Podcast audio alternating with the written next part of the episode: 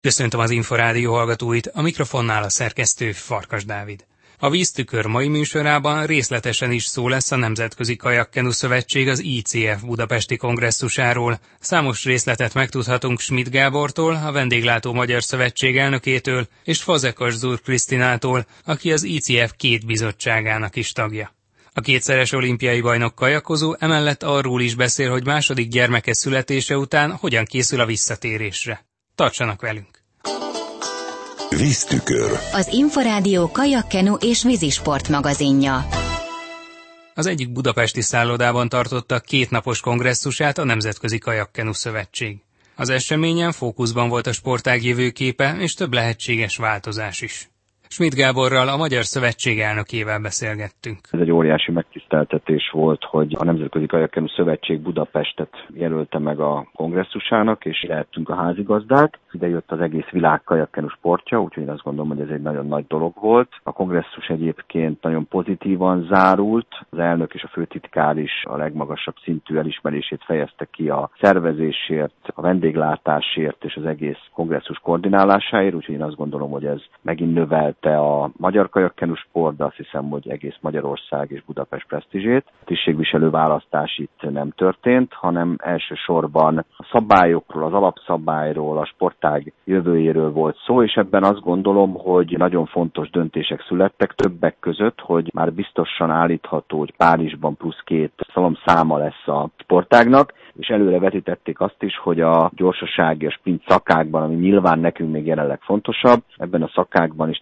tárgyalások folynak arról, hogy két olyan mix szám vagy hosszú távú szám bekerüljön a programban, ami nem jelent kvóta növelést. Milyen kérdésekben döntöttek? Én azt gondolom, hogy az egy nagyon fontos döntés, hogy a jövőben az 23-as korosztály helyett 21-es korosztály lesz, nagyon fontos döntésnek tartom azt, hogy a jövőben lesz Masters világbajnokság a sportágnak, ebben mi még le voltunk maradva más sportágakhoz képest, és ez első körben először itt Magyarországon kerül majd megrendezésre, hiszen mi már korábban jeleztük azt, hogy a sprint világbajnokság után augusztusban, ami lesz jövő évben 19-ben, mi szívesen megrendeznénk a Masters világbajnokságot is. Ennek helyet adott az ICF, úgyhogy mi lehetünk az első, aki egy ilyen kibővített, azt gondolom az egész sportág volt versenyzőit, szimpatizánsokat megmozgató rendezvény lehet majd. Hány napos VB-t terveznek a Masters versenyzőknek, azt látják-e már?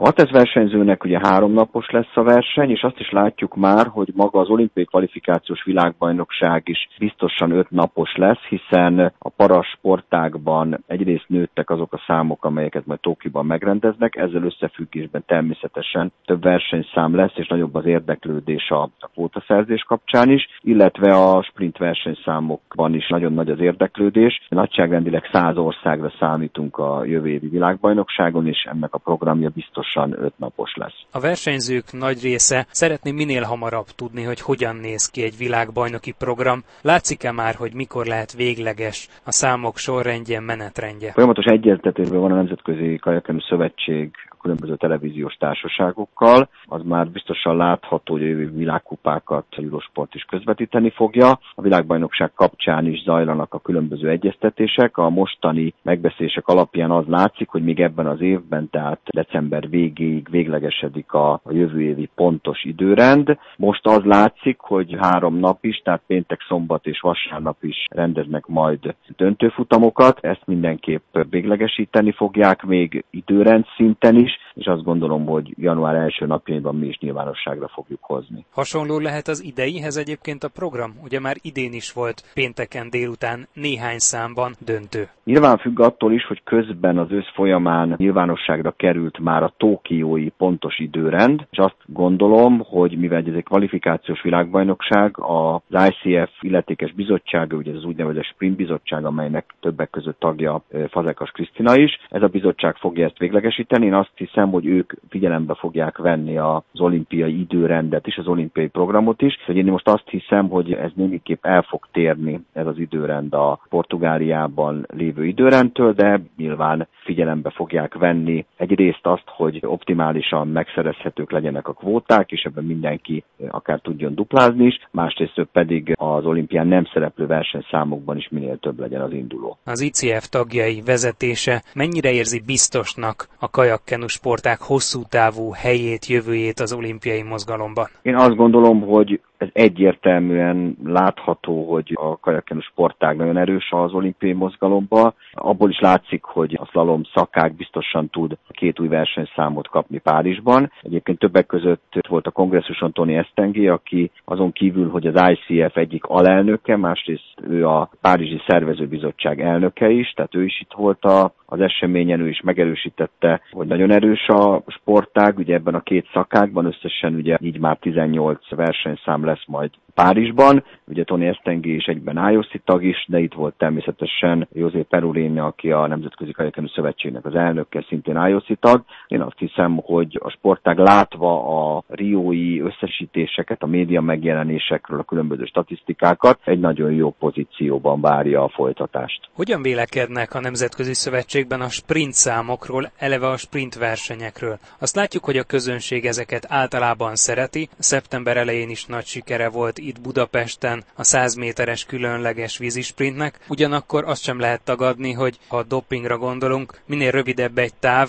annál jobban felvetődhet. Én azt gondolom, hogy az ICF elsősorban abban szeretne fejlődni, hogy még látványosabbak legyenek a versenyek, még jobban közelebb hozza a versenyzőket, az eseményeket a nézőkhöz. Ehhez pedig olyan jellegű versenyek is szükségesek, ahol egyfajta show is kapcsolódik az eseményhez, és még inkább élménnyel gazdagodnak a az oda kilátogatók, ezért most azt döntött el a Nemzetközi Szövetség, hogy a hagyományos világkupasorozat mellett, amelyek májusban rendeznek meg különböző helyszíneken, egy úgynevezett ilyen városi, sprint, és nem feltétlenül csak rövid távú számok, hanem sokkal inkább olyan helyszíneken, ahol lehet, hogy az 500 vagy az 1000 métert nem lehet megrendezni, az olimpián van, de lehet olyan látványos kajakkenú versenyeket rendezni, amire hozzá tudnak jobban férni a nézők, és ebben a sorozatba jól illeszkedhet az a Red Bull vízisprint verseny, amit mi rendeztünk meg Budapesten a Városligeti tavon. Ez nagyon-nagyon tetszett a Nemzetközi Szövetségnek, úgyhogy a jövő évi ilyen sorozatba ezt az eseményt is beemelték. A sportág marketing értéke, presztízse mennyit nőhet a következő években? Mik a remények? Vannak esetleg kimutatások, tervek erre? Azt gondolom, hogy nagyon-nagyon sokat fog a slalom fejlődése még hozzátenni a szakákhoz, és ezt azért is mondom most, hiszen itt Magyarországon is ugye nagyon-nagyon szeretnénk a slalom szakágat meghonosítani. A kormány korábban döntött arról, hogy a Cseppel északon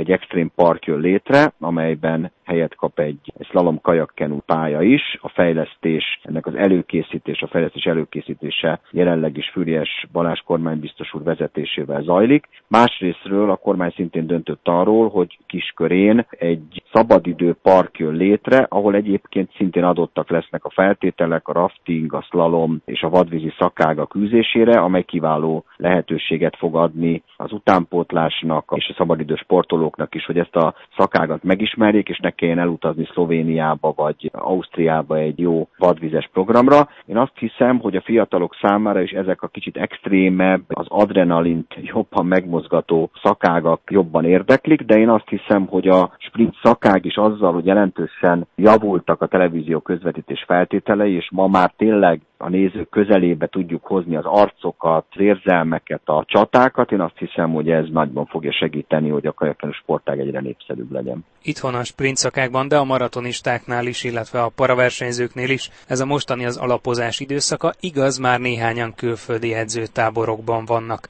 A Magyar Szövetség a következő hónapokra tudja biztosítani azokat a színvonalú lehetőségeket, amelyeket mondjuk az elmúlt szezonra? Hát én azt gondolom, hogy a kormány kiemelt támogatását élvezve a kajakkenu sportág támogatása adott. Én azt hiszem, hogy azok a források, amelyek rendelkezésre állnak, azok egy biztos felkészülést tudnak segíteni. A szövetségi kapitányok az elnökség elé terjesztették a felkészülési programokat, amelyeket az elnökség elfogadott. Én azt hiszem, hogy ezek a felkészülési programok, az ebben megfogalmazott edzőtáborok, háttértámogatások, orvosegészségügyi programok, ezek mind-mind-mind tudják segíteni azt, hogy azt a célt, hogy a lehető legtöbb kvalifikációt lehetőség szerint minden kvalifikációt meg tudjunk szerezni jövőre Szegeden, amely utána egy biztos lehetőséget ad az olimpián minden számba való részvételre. Én szerintem ezek a feltételek adottak. Az edzők és a csapatok szeptember végén, október elején megkezdték a felkészülést, és én eddig minden edzőtől, minden versenyzőtől, akikkel beszélek, nagyon pozitív visszajelzést kapok a tekintetben, hogy ez a háttér ez maximálisan pozitív.